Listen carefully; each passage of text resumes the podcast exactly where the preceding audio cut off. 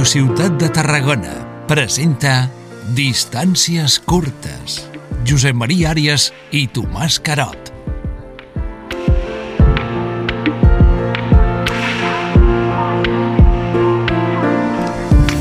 Benvingudes i benvinguts a Distàncies Curtes. Aquest, ja sabeu, és un racó per conversar sense cap pressa a Ràdio Ciutat de Tarragona. Una mena de passejada que compartim el Tomàs Carot i jo amb el convidat. Recordeu que la setmana passada era un polític, Josep Poblet.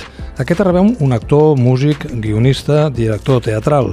Rebem a Oriol Grau, un barceloní adoptat per Tarragona o un tarragoní que va néixer a Barcelona. Com estàs? Bé, em sento identificat amb la segona definició. La segona? Sí, sí, sí. Soc tarragoní, nascut a Barcelona. Groucho Marx, actor i còmic nord-americà, va dir que la política és l'art de buscar problemes, de trobar-los, de fer un diagnòstic fals i d'aplicar després remeis equivocats. Creus que els polítics o la política formen part del vostre gremi d'artistes? Home, fan comèdia eh, i a vegades fan tragèdia que rebem l'espectador, diguéssim, el públic. I, però la seva feina és molt més... Eh, ens afecta molt més, diguéssim, no? Jo puc fer teatre i puc fer qualsevol cosa i, i el públic s'ho d'una manera o d'una altra, però no, no, no els afecta la butxaca excessivament, tret de l'entrada que costa la, la butaca. Però les decisions dels polítics a vegades ens afecten, ens afecten per mal, sovint. Amb tot, recordant a un sociòleg i escriptor canadenc, Erwin Goldman, que deia que la vida és un teatre. Uh -huh. Jo no sé si, si ho has pogut comprovar sí, sí. en les teves pròpies carns. Jo ampli ampliaria la, la dita amb Oscar Wilde, que deia la vida és un teatre amb un repartiment pèssim. O la vida és un tango. Sí, la vida és un tango. Si et sembla, escoltem ara uns segons d'una una cançó que sembla que té un sentit especial per tu. És l'home dibuixat, uh -huh. una obra de Jaume Sisa en versió de l'Orquestra Plateria. l'home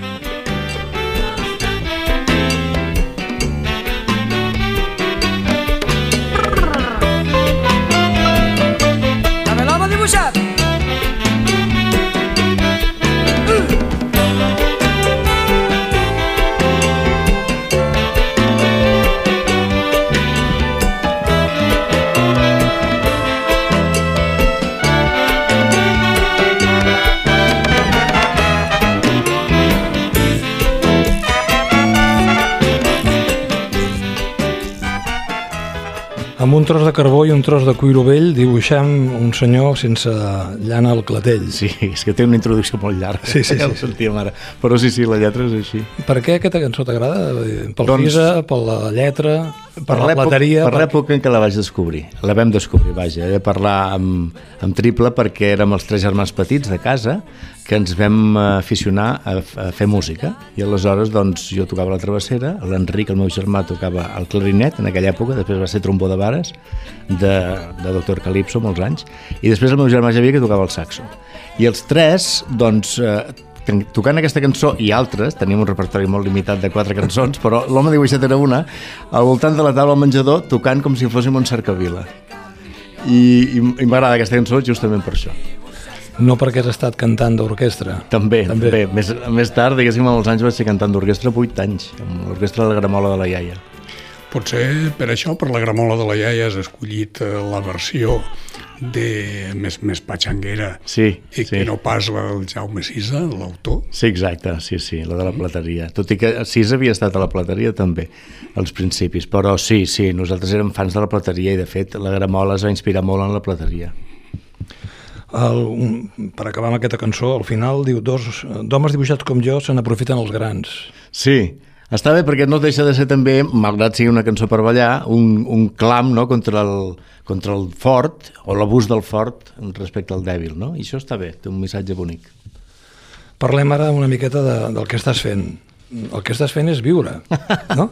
Perquè amb, amb alguna entrevista que hem vist amb algun altre mitjà de comunicació eh, deies que havies eh, plantejat un altre projecte vital, Sí. treballar el suficient. Eh, viu, viure per treballar Exacte. o treballar per viure? No, no, treballo per mantenir-me i ja està, però treballo molt en coses que no em mantenen. Per exemple, tinc un hort i vaig tres dies a la setmana, com a mínim, i penco molt allà, penco moltes hores. No paro, de fet.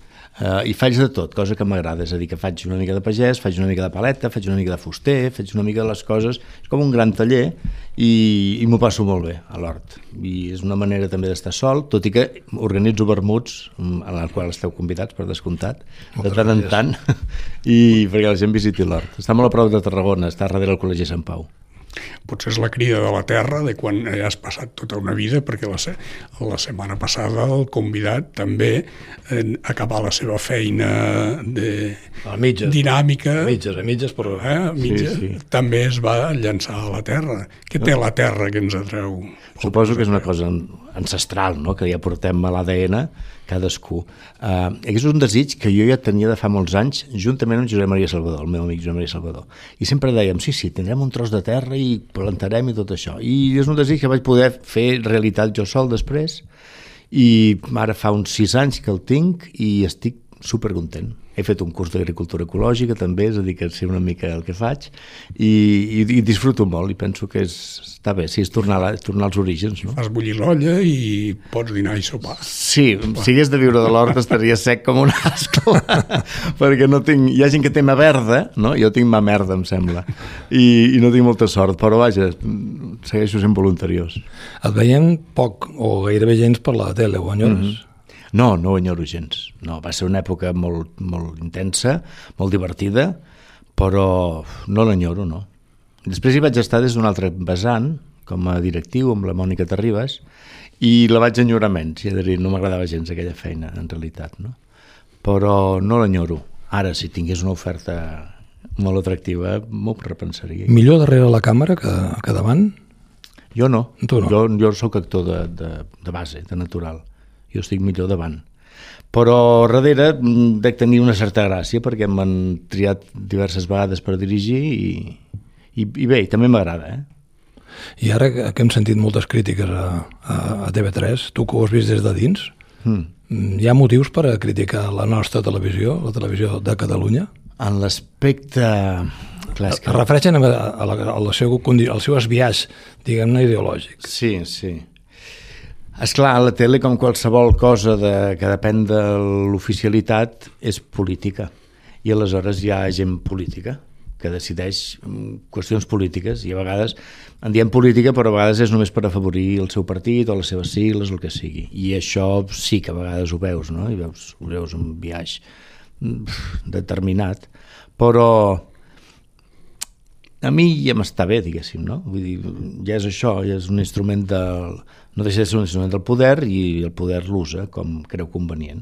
I penso que TV3 és la menys usada, la menys manipulada i la menys, eh, no sé, patxanguera de totes les teles de la península ibèrica. No conec les de Portugal.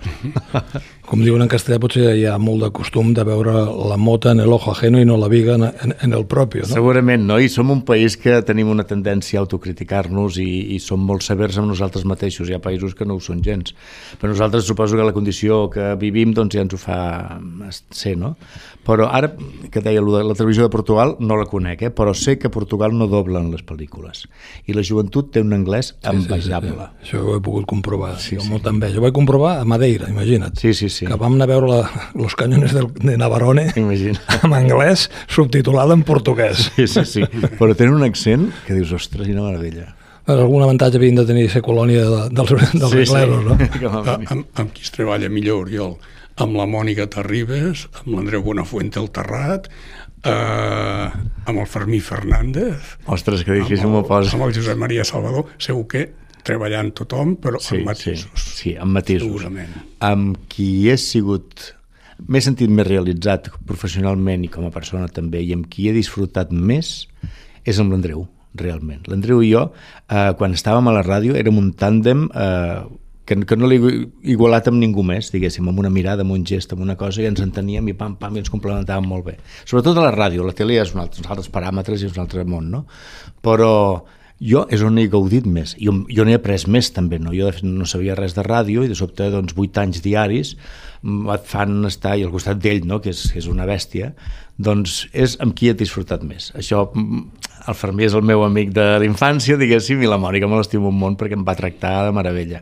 Però amb l'Andreu, he de ser sincer, és amb qui millor he treballat La ràdio va ser el punt de partida de la popularitat de, del, de l'Oriol. De fet, una ràdio que compartim els tres. Els tres hi hem passat Sí. en diferents èpoques i en diferents Sí, sí, sí. departaments. Ràdio Reus o la cadena SER, tu després Sí, de sí. Ràdio Reus vas estar a Ràdio Barcelona.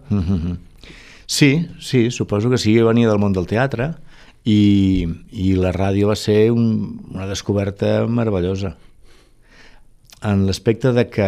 Jo, per exemple, sempre, sempre ho, ho subratllo. Jo he treballat amb tota la llibertat del món, tant a la ràdio com a, com a la tele. Mai ningú m'ha censurat. Jo estic segur que l'Andreu era una de les barreres perquè no m'arribés a mi la queixa, diguéssim, no? I després de l'Andreu, doncs, els jefes del el director de TV3 corresponent, o Josep Maria Martí de la SER... Són coses que van amb el sou, Sí, eh? sí. Gent que aturava, diguéssim, si arribava alguna crítica. Però jo vaig treballar sempre amb absoluta llibertat. I això sempre ho he agraït. No sé si amb altres ràdios hagués pogut fer-ho, però a la SER sempre he treballat amb absoluta llibertat. Sabíem que no podíem tocar els Polanco, però la resta la podíem tocar de tot arreu, saps? Els Polanco en aquell moment eren els amos de la SER i de, i de prissa. Tornaries a fer ràdio? També dependria, dependria suposo, de, del projecte, de la proposta que rebessis. Depèn de la proposta, però sí, tornaria a fer ràdio perquè és, és còmode, mira tu, acabem d'arribar, ens asseiem i ja està, i, i després perquè és un mitjà que, que, que desperta l'imaginació, que és una cosa que avui dia no acostuma a, a sobrar, no? Ens ho donen tot mastegat. I en canvi la ràdio t'obliga, no? La gent, ah, avui dia també ens veuen, no? Ens estan, justament, tenim una pantalla aquí davant. Però la ràdio t'obliga a imaginar, i això està molt bé.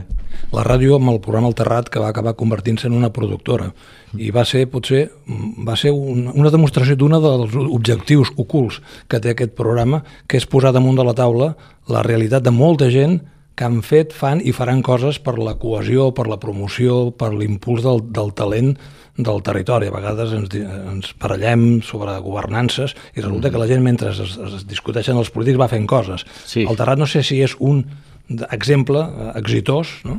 D'això. Sí, sí, i poc ens ho pensàvem, és a dir, que veníem de Ràdio Reus, no?, en aquell moment, i, i els primers anys, els dos o tres primers anys, érem marcians en un altre planeta, eh? Perquè la, la dinàmica de Ràdio Barcelona era una i estaven acostumats a un tipus de programa, i sobte veníem nosaltres amb el nostre tipus d'humor del sud, que també és molt particular, no?, i, i vam estar tres anys per encaixar, jo diria tres anys o així ben bé. Al quart any ja vam començar a notar els resultats de dir, ostres, això funciona, hi ha gent que ens escolta, hi ha gent que... No? Perquè els EGMs, això no sé si la gent ho sap, però les audiències de ràdio són molt més lentes que les de tele, no són d'aquella immediatesa de l'endemà, sinó que són amb un any vista o dos anys vista, no?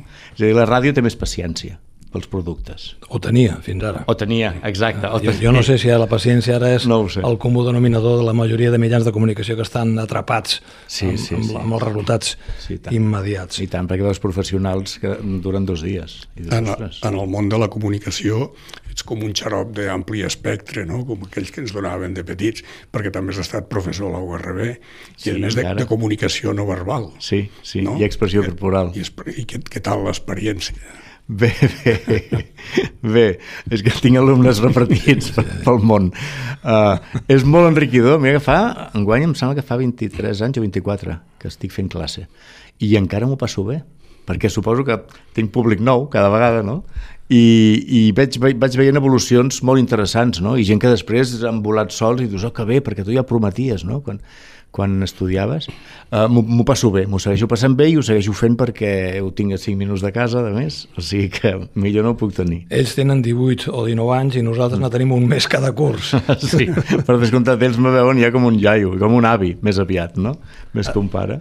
Et sents a vegades una mica desfassat respecte a les noves generacions o no? Jo no.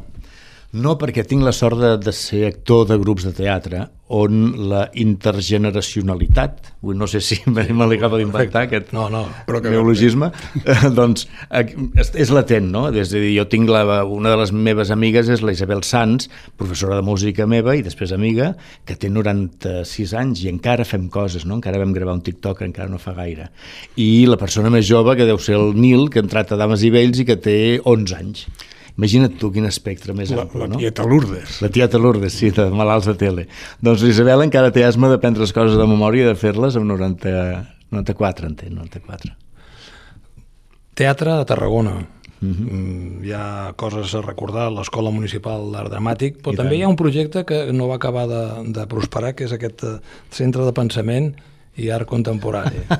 Això, no, no, no conec massa la, la intrahistòria de, de, del projecte, però és una espina clavada? Creus que encara es podia recuperar? T'agradaria recuperar? I tant, i tant, que m'agradaria recuperar-lo. Jo sempre he cregut que a Tarragona falta un cert discurs actual de l'any del 2023 perquè vivim una mica de rèmores del passat que ens han anat bé, que ho hem fet bé, no? I, i parlo en coses culturals, per exemple, des de Tarraco Viva fins a la Setmana Santa, la mateixa festa major, que és un, un escàndol d'èxit, no? Uh, però no deixa de ser rememorar coses del passat. I, penso, i, i em preocupa molt que el contemporani mm, no, no existeixi a Tarragona o hi hagi, sí que hi ha el Centre de Cultura Contemporani que fan exposicions i, i presentacions molt interessants però em preocupa el pensament. És a dir, que ens donin discurs d'ara on volem anar, on, cap on vol anar Tarragona què és Tarragona, volem convertir-nos en un Barcelona i omplir-nos de turistes fins a l'Angúnia o no, volem realment ser només un nucli cultural i que ens vinguin a visitar per qüestió cultural? És a dir, pensem-hi, i que vinguin gent de fora, savis i sàvies, a explicar-nos què podríem fer aquí a la ciutat. I, I aquesta és la meva ceba, però no, no me'n surto. I per què costa? Potser perquè és més còmode, és més barat, eh, és més eh, segur mirar el passat i recrear-se en el passat que no pas eh, ser agosarat, ser una mica trencador ho dic perquè a vegades aquests projectes no, no tiren endavant sí. no, no pas per la voluntat de la gent que esteu al sector i per altra gent que podia venir, sinó pel fet de que les administracions s'ho miren amb certa desconfiança o, o desinterès. Sí, sí, després aquella cosa provincial. Ara de fora ens vindran que ens explicaran a veure què hem de fer. Aquí ja ho sabem prou el que hem de fer, no? I jo penso que no, que la novetat sempre ve de fora i necessitem que vinguin savis i sàvies a explicar-nos coses. Com a ciutat jo crec que sí, perquè si no ens, ens quedem, anem sempre a la cua de, de, de, no sé, ho compares amb Girona, per exemple, i anem una mica a la cua de Girona, i dius, per, per què? Si aquí tenim, tenim potencial, la ciutat és molt més bonica i, i podríem, no? I hi ha prous agents culturals i del que sigui per, per nodrir-ho, no? No ho sé. Han passat molts ajuntaments que no, no ho han acabat de veure. Clar, hi ha hagut una relació, diguem-ne, eh, de respecte amb el, amb el cas de Trono, mm. eh? Respecte moderat. Moderat, t'anava a dir, perquè mira, el 3 de... al març s'acaba la concessió que l'Ajuntament ha fet a la Sala Trono, que és una, una entitat privada, eh? una empresa privada de teatre. I encara, a hores d'ara, falten potser 5 mesos, encara no hi ha resposta de l'Ajuntament si es renovarà, si no i tal. És a dir, que d'aquí 5 mesos millor se'n van al carrer.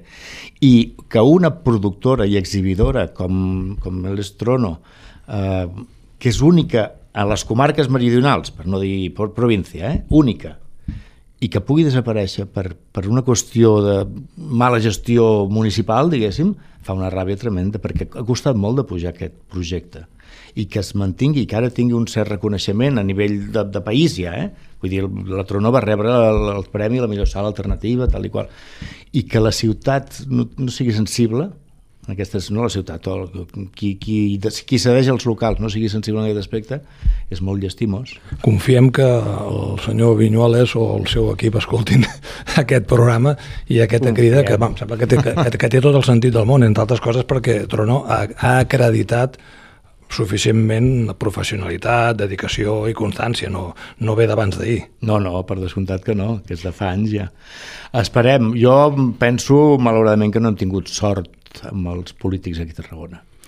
Eh, en el teu pregó vas remarcar molt la figura de Sergi Xirinacs. Mm. Va ser realment un bon polític, no n'ha hagut més com ell? Van sopegar una època que era molt mm, apetitosa, per dir d'alguna manera. Estava tot per fer i aleshores no costava gens començar a, a crear del no-res. No? Ara és més complicat Ara, per exemple, hi ha el problema de la festa major que, tinc, que té una tendència a pamplonitzar-se, no? a fer-se massa gran, i massa mm, de, de beguda i massa així. I no saben com solucionar-ho. És a dir, la festa està triomfant tant que no saben com arreglar-ho. No? En l'època del Sergi Girinacs tot estava per fer i, i ell doncs, va tenir la, la idea ell, ajudat d'altra gent, eh? em consta que en aquell moment la seva dona, la Rosa Rossell, va ser la que va insistir per l'escola de teatre, per exemple, no? perquè ella era actriu una actriu bona, a més. I, i va tenir un, una època, un entorn i un alcalde sensible en aquest aspecte i culturalment va ser va, diguéssim, jo vaig coincidir que a la meva joventut i de sobte doncs, Tarragona sí, hi havia opcions, almenys per mi hi havia opcions, no? i em vaig sentir molt, sí, molt satisfet. Es, es, es va acabar emprenyant amb l'alcalde i deixant Sí, sí, bueno, perquè el Sergi cosa, també... Eh, també... I el coneixem, doncs sí, sabem sí, que el Sergi sí. és especial, no? Bueno, sense que t'hagi de servir de consol, però moltes experiències voluntarioses d'estes de fer coses per la ciutat, pel, mm, per les comarques meridionals, doncs eh, les nostres vides hem vist eh, que no han reeixit. Per exemple, de, des de l'any 78 es parla de mancomunitat dels 21 municipis, després l'intent de, de constituir un ens, tot ha fracassat i ara se'n sí. torna a parlar. Eh, el darrer va ser precisament Josep Poblet i el rector de la universitat que van impulsar la regió del coneixement. Veus futur en això, en, en aquests moviments, que d'alguna manera el, el teu centre seria un apèndix dins d'aquest marc, no? De, de visió global i de futur. El meu centre m'agrada molt que diguis el meu centre. Uh, no, no hi veig futur. Veig que és una bona idea. Uh, la idea d'enllaçar-nos de, eh, el territori d'aquí ja és una idea que ve d'antic, nosaltres la vam practicar amb la Sala Trono fent coproduccions entre Reus, Valls i Tarragona, per exemple, no? i això obligava que aquesta obra com a mínim tenia tres bolos i tal. Però vam arribar a fer seure a la taula els tres consellers de Cultura que no s'havien segut mai abans i feia tres anys de, de les eleccions, eh? és a dir, que en tres anys a cap se'ls havia pogut seure amb el de Valls i el de Reus i intercanviar idees. I dius, ostres, que siguem uns privats, que, que, que, que fem aquesta trobada, dius, això grinyola, no? Uh, no, no hi tinc fe però m'encantaria. Per què creus que hi ha aquesta dificultat de, de comunicació o de, o de compartir? És a dir, encara estem tibats per les visions de campanar, mm. per una certa cultura de, de tribus, si, so, si ets de Tarragona no pot ser de Reus, si ets de Tortosa no pot ser d'Amposta... Per part de la gent jo crec que no existeix això, aquesta rivalitat o aquesta, no sé, no sé com denomenar-la, però hi ha una cosa que també és el curtplacisme, no? És a dir, que si jo tinc només 4 anys de legislatura, treballaré per aquests 4 anys. No tinc una visió de futur, o, o no, no junto amb els altres i tenim una visió de futur, de projecte, de dir anem a, a parlar a Tarragona 20 anys enllà, cap on volem anar, realment ens comuniquem, establim xarxes o el que sigui, no hi és. No? Potser no hi ha aquesta ambició o potser és això, no? que per quatre anys que tinc encara prou amb, amb el que... O potser falta lideratge. Tenim líders de categoria no. De categoria no, és a dir, algú... Un Prat de la Riba, per entendre'ns, no? ara sí que tiro molt amunt, però un Prat de la Riba que tenia aquesta visió de mancomunada de la cosa, no el tenim, no el tenim. Potser Poblet ho hagués pogut ser, perquè eh, jo l'he conegut... Perquè és de Vilaseca, és de Vilaseca, no és de Tarragona exacte. ni de Reus. perquè és un home amb un verb meravellós, com parla, sí, sí. te l'escoltaries hores, i, i, i tenia aquesta capacitat, el ser president de la Diputació tenia aquesta capacitat de, de, d'aglomerar, no? d'unir, però no, ja està jubilat i no sé si l'actual president de la Diputació està per la, la De fet està jubilat relativament perquè el Poblet ara és president del Consell Social de la Universitat Rovira Vigili que probablement, tu que l'has viscut des de dins, és un dels pocs exemples d'èxit de què és possible articular un projecte compartit amb Tarragona, Reus, sí, sí, sí. Vilaseca, sí, sí. Tortosa, sí, sí, el Vendrell, no? I que funciona. Malgrat el nom, diguéssim, sí, sí, no. que no deixa de ser una aberració estranya.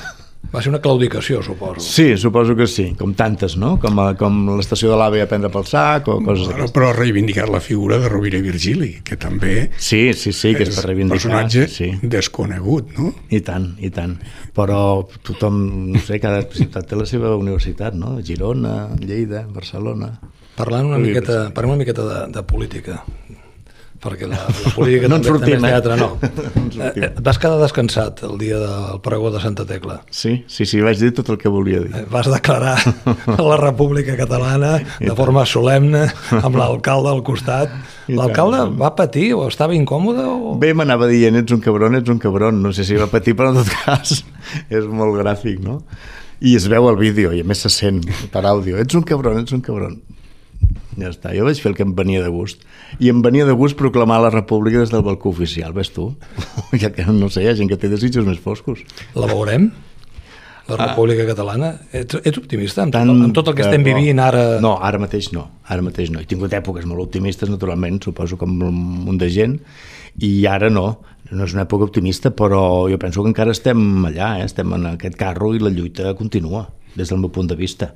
De manera potser Ara, mira, ara més per obligació, tant... més per obligació que no pas per, per, per convicció dels no, altres. No, no, sí, sí, jo tinc convicció que sí. No, que no, no, ah. no, no l'estat espanyol ah, i, sí, sí. i els, els poders internacionals sí. que han de reconèixer el dret a decidir d'una comunitat. ells s'ho creuen més que nosaltres, jo crec, eh? De sobte van tenir tanta por que dius, ostres, ah, doncs sí, sí, ells s'ho creien, ells s'ho creien més que nosaltres.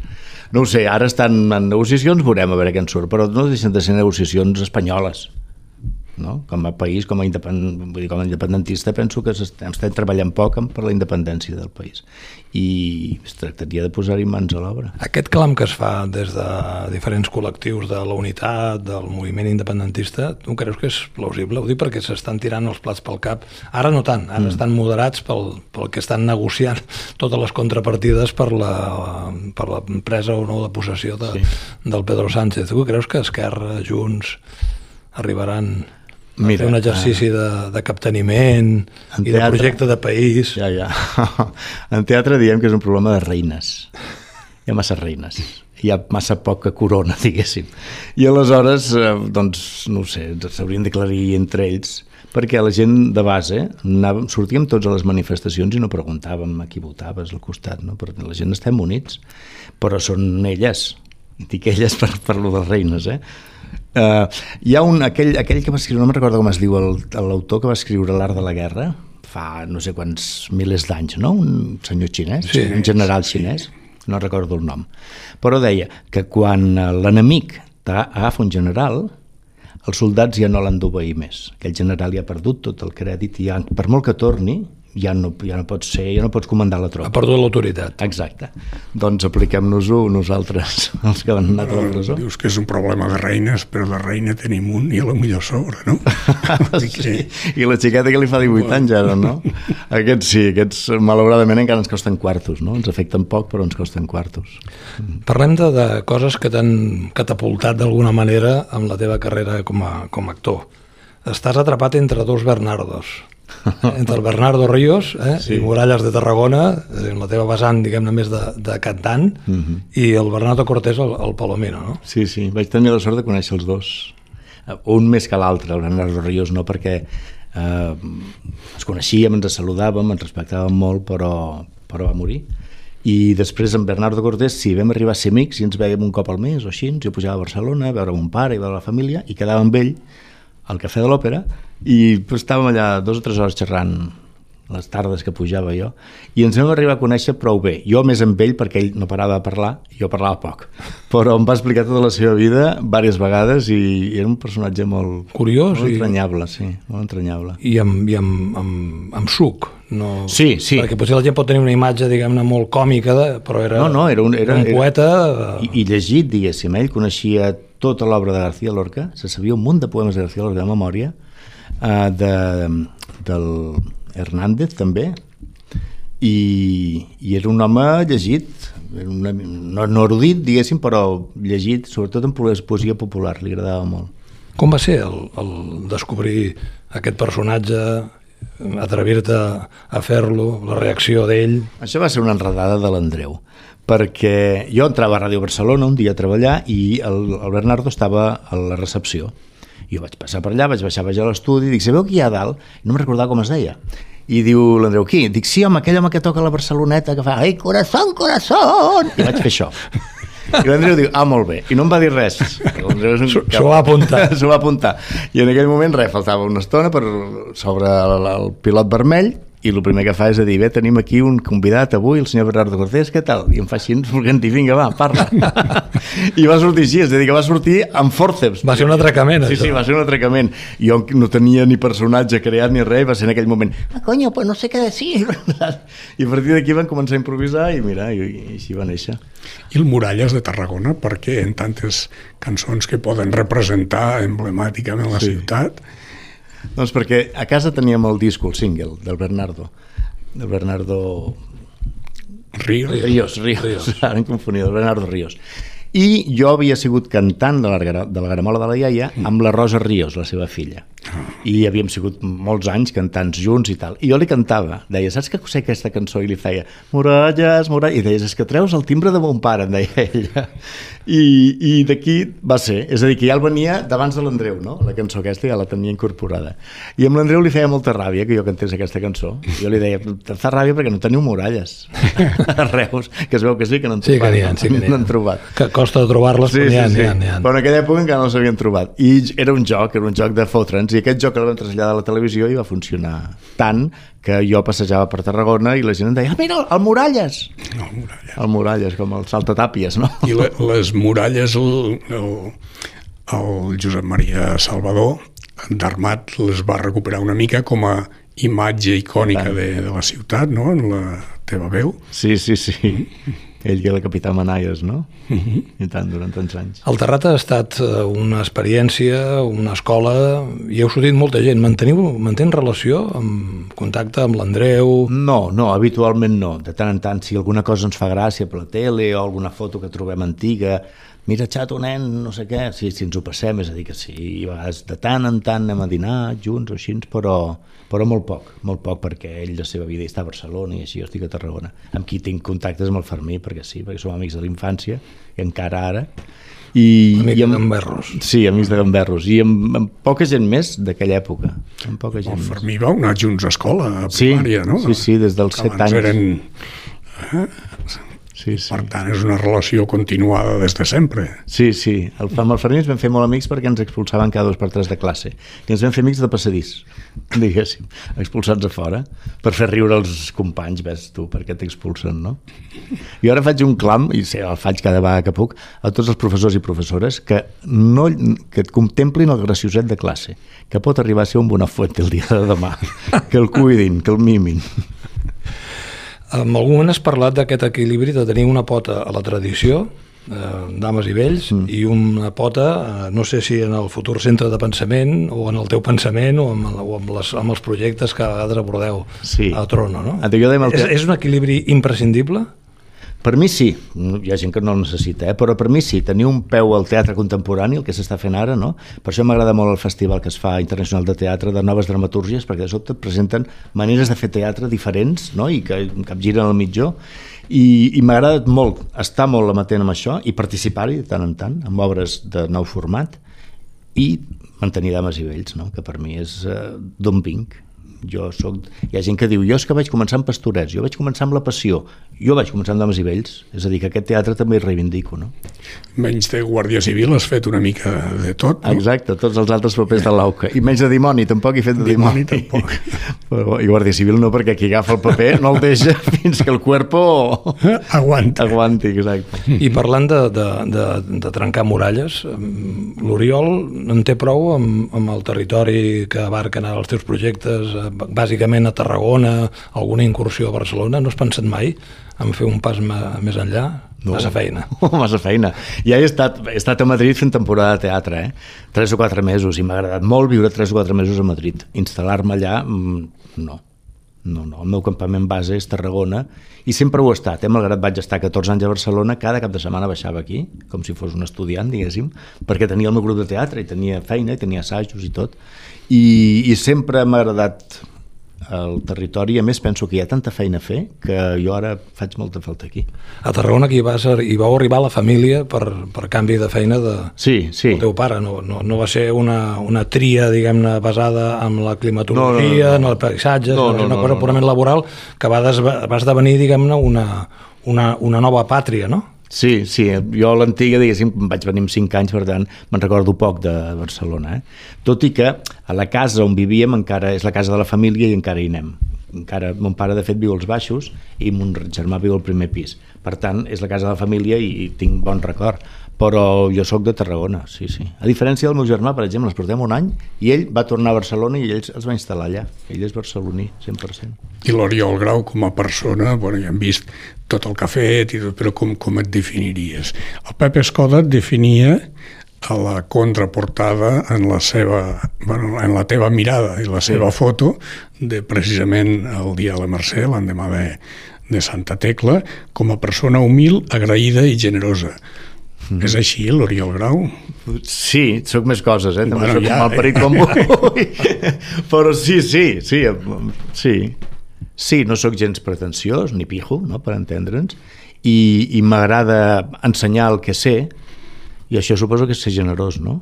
Quan, quan ensenyes, quan fas de, de profe, de mestre, has de ser generós, perquè si no val rai. I compartir, no? que és, és un verb que no Mm. acostumem a, a, a emplear, conjugar. a emplear massa, ma- massa sovint. A casa érem set germans, per tant estàs obligat a compartir quan sou tants germans. No? O barallar-te. O barallar-te. Per això que... Sí, sí. És a dir, si t'has desenvolupat una manera de ser d'aqu- d'aquesta mena és probablement per haver compartit, coexistit eh, en pau en lloc de amb Sí, guerres. exacte, no? exacte, sí, Que- sí, sí, sí, a casa són pacífics, bàsicament. Plats bruts. Mm. Ha estat el més potent que has manegat? Sí, el que... ti- El, el que No, no, no, no per pressupost, no? sinó No, no, per no, no. l'impacte que, que va Sí, tenir, sí. que encara recorda i que I encara de tant en tant encara, encara fan ara, reposicions. Sí. Cada dia hi ha nous fans de Plats Bruts, no? Uh, aquest diumenge mateix m'han convidat a un podcast a la plaça del Pollol uh, per parlar de Plats Bruts, uns que només parlen de capítols de Plats Bruts. Només parlen d'això, d'aquest tema, i m'han convidat, mira, i dic, quin capítol tries? Dic, tinc castanyes, perquè és un capítol que recordo amb molta estima i fa molta riure, i, i parlarem d'això. Vull dir que encara ara el fenomen encara em convoquen de tant en tant per parlar de Plats Bruts i dius, jo vaig mm, dirigir els primers 39, codirigir, eh? érem un director que era el realitzador Lluís Manyoses i jo era el dir- director artístic, és a dir, que érem dos directors però els 39 primers capítols, és a dir, fins que hi ha la Carbonell. Quan la Carbonell marxa i entra la iaia, jo ja no hi sóc aquí, no? just coincideix amb el canvi. I per mi va ser una feina que era molt dura, perquè era cada dia de la setmana i a moltes hores, a més, i amb el temps sí que he trobat que, que va estar bé, però en aquell moment odiava la situació la situació laboral, saps? Perquè no només feia plats bruts, sinó que a més a més anava un dia a la setmana a Malalts de Tele, que era un programa que feia el Toni Soler, amb la Rosa Andreu, i jo feia la veu d'un gos que sortia, i a més a més els divendres anava l'Andreu a fer el Palomino, no? I és, no tenia vida, diguéssim, i aleshores per això em costa recordar recordar-ho amb dolçor perquè és que disfrutava molt amb la feina però no, no, no vivia no vivia, va ser molt dur per, Per això ara a la terra eh, agafar només el que t'agrada i t'interessa. Les pastanagues, exacte, sí, sí tomàquets... Sí, tinc un hort, però és una birria d'hort. Però vaja, jo segueixo amb, amb això. Però sí, ara la vida des de la tranquil·litat, no? No, no recrear-me amb el que he fet, i el que ja he fet, hi ha coses que encara funcionen, està bé. M'agrada molt encara seguir fent dames i vells, m'encanta, fa 43 anys i encara m'agrada ara, i m'agrada molt fer classe, per tant, això... Què té que enganxa tant, dames i vells? Més enllà de la ironia... Mm. la, les ganes que té, la videsa que té el públic de riure et produeix una sensació de felicitat a tu quan, quan el satisfàs no? tothom està àvid per veure el gag que entra i quan entren els gags, buah, de sobte, i ens, i ens ho diem entre nosaltres, de dir, quin, quin plaer més estrany i que diferent, no? El fet de fer riure els altres. És molt plaent fer riure. Però és que, a més, els espectadors, i ho dic per experiència pròpia i compartida, eh, també ve, veiem com esteu disfrutant. Sí, és a dir, sí, sí. que no és allò, hosti, una altra representació, no? No, no, no, que no va, és va, algo va. de trempera continuada, no? Mira, vam fer en tres dies, vam fer 14 funcions i, i disfrutàvem cada vegada i quan es va acabar eh, dèiem Més. més. més sí, sí. Trobes a faltar eh, plats bruts a, a la programació? Jo no sé si ho segueixes exhaustivament, ja no parlo només de TV3, eh, sinó de les televisions que es poden sintonitzar al país. Trobes a faltar aquest tipus d'humor? sí, trobo a faltar humor en general, n'hi ha molt poc Ens hem quedat en Polònia... sí, i d'humor de ficció mm, n'hi ha poquíssim Per què? Per pressupost? Perquè hi ha canvis de tendències? Sí, sí, deu ser per això. Jo no, no, no sóc tan estudiós, però deu ser per això no els hi deu sortir a compte. Tot i que en la seva època eh, en plats bruts també ho deien eh? això no ens surt a compte, no ens surt a compte perquè només mitja hora això hauríeu d'allargar i jo era tossut i deia no, no, això no ho allargarem això ha de ser un fred Poc i bo. catalana, clar, ha de ser curt i tal i ells insistien molt i a la llarga sí que els hi ha funcionat no només un any, sinó durant 7 o 8 estius que ho van passar, no? i encara ara els hi està donant rèdits, i dius, veieu com es veu equivocar? Jo no sé com no hi ha alguna ment lluminosa que, que veu que això és un fenomen Potser és el, cur- el funcionar. corplacisme, que abans també ho- Potser sí. l'atribuïes a la política, potser amb la política de programació, els mitjans de comunicació, diguem-ne, grans, Sí. també acaba sent un, un limitador, no? Potser sí, potser sí. Ja no tinc ni idea. Mira que he estat de directiu, eh? però jo els hi deia, de dir, falta humor en aquesta cadena. És a dir, sou periodistes, la majoria dels directius eren periodistes, sou periodistes i la cadena eh, informativament és molt eficient. Ara, a l'hora de l'entreteniment, mm, TV3 grinyola a vegades, no? Mm, En segons. Abans el Tomàs parlava d'un projecte que van llançar Poblet i, i el rector Grau de la regió del coneixement, coneixement talent. De talent n'hi ha. El que passa que el talent necessita pistes per enlairar o per aterrar, no? Clar. Com ho hem de resoldre, això? Cop de puny damunt de la taula, declaracions de la República Catalana al balcó de l'Ajuntament de Tarragona... Amb diners, bàsicament. Per exemple, si, penso, la tele local que tenim aquí, si TAC12 tingués diners com per dir vinga, eh, agafem guionistes del, del territori i actors del territori i munteu una mena de cosa. Es podria fer com a experiment, no? No són 12 municipis, o 14, no sé quants són. Un munt, un munt. I Per què fa falta? Diners. Cada vegada que em trobo a l'avelló em diu estem fotuts de diners. Bueno, doncs no pot ser. Falta creure's de debò que la cultura és una eina de transformació, de sensor social, que és una indústria, perquè ens gastem molts diners en focs artificials. No Tarragona, a la immensa majoria de les, de, la, de les ciutats, i en Sí, canvi sí. s'inverteix, sembla poc, en, en, en estimular que el talent, diguem-ne, ti- tiri endavant. I que és negoci. A mi no m'agrada parlar en aquests termes de la cultura, però que, que en un moment donat genera negoci, no? S'ha comprovat amb el Festival Internacional de Teatre tot el que genera dels restaurants, dels, dels hotels, de no sé què, i dius, ostres, doncs, per, per què no apostem per aquí, en lloc de, jo que sé, turisme només de sol i platja, no?, per exemple. Però no sé si és que no s'ho creuen, però això se sap, se sap que la cultura transforma i millora. No ho sé, no ho sé. Pot ser precisament per això, perquè transforma i millora. I no interessa. No interessa, no? Ara has donat el clau, sí senyor. Però a vegades un té la impressió de que porten la boina ja, ja no a la- a l'alçada de la cella, sinó que, que els hi tapen els ulls i els hi tapen les oïdes. Potser sí, però els interessos són tan grans o són tan desconeguts o vés a saber. I, I el sistema de partits polítics, que penso que no ajuda molt. No sé quin sistema hauria d'haver-hi, eh? Però aquesta mena de partitocràcia que vivim no ajuda, no ajuda a l'engranatge social. Objectius, no? És a dir, falta, falten objectius compartits. I de llarg plaç, i de llarg plaç, perquè és que si no, i de territori, de més, no de ciutat sola, no? Clar, clar. I quan ja no vagis a l'hortet, què faràs? Quan jo no hi pugui anar. Llegir. Quan no hi puguis anar, quan hagis d'anar amb el taca-taca, que esperem que, que sigui d'aquí molts, molts, molts, molts anys, no? Doncs esperar cada Santa Tecla a la residència de les Mercedes, que sé que venen els de dames i vells a fer-me. o sigui que amb això ja seré feliç. Veurem algun dia un llibre, unes memòries de, de l'Oriol, alguna reflexió sobre el món de la cultura, una, amb una vida tan, tan polièdrica i tan intensa com la que has tingut tu, no? Sempre he pensat que em posaria en un territori que no és, un, que no és el meu, no? el de la literatura, el de... No ho sé, a mi m'agrada actuar i mentre es pugui fer-ho, hi ha una actriu que, és, que era catalana, Aurora Redondo, no sé si us sonarà. sí, sí. Als 92 anys encara estava a l'escenari. Jo penso que és un model a seguir, des del meu punt de vista. És a dir, que mentre pugui bellugar-me, jo intentaré ser a l'escenari. Molt bé. Doncs ja ho hem de deixar, ja se'ns han passat aquests Molt bé, gairebé que- que tres, ràpid, tres no? quarts d'hora. T'agraïm moltíssim que hagis volgut compartir aquesta estona amb nosaltres, demostrant una vegada més que és en les distàncies curtes on la gent s'ho passa bé, on la gent s'esplaia i on som capaços de trobar aquest punt de, de col·laboració que ens fa tots una, una mica millors. Sort, Gràcies, igualment. bona vida, molta merda. Molta merda, molta merda. Adéu-siau, fins la setmana que ve.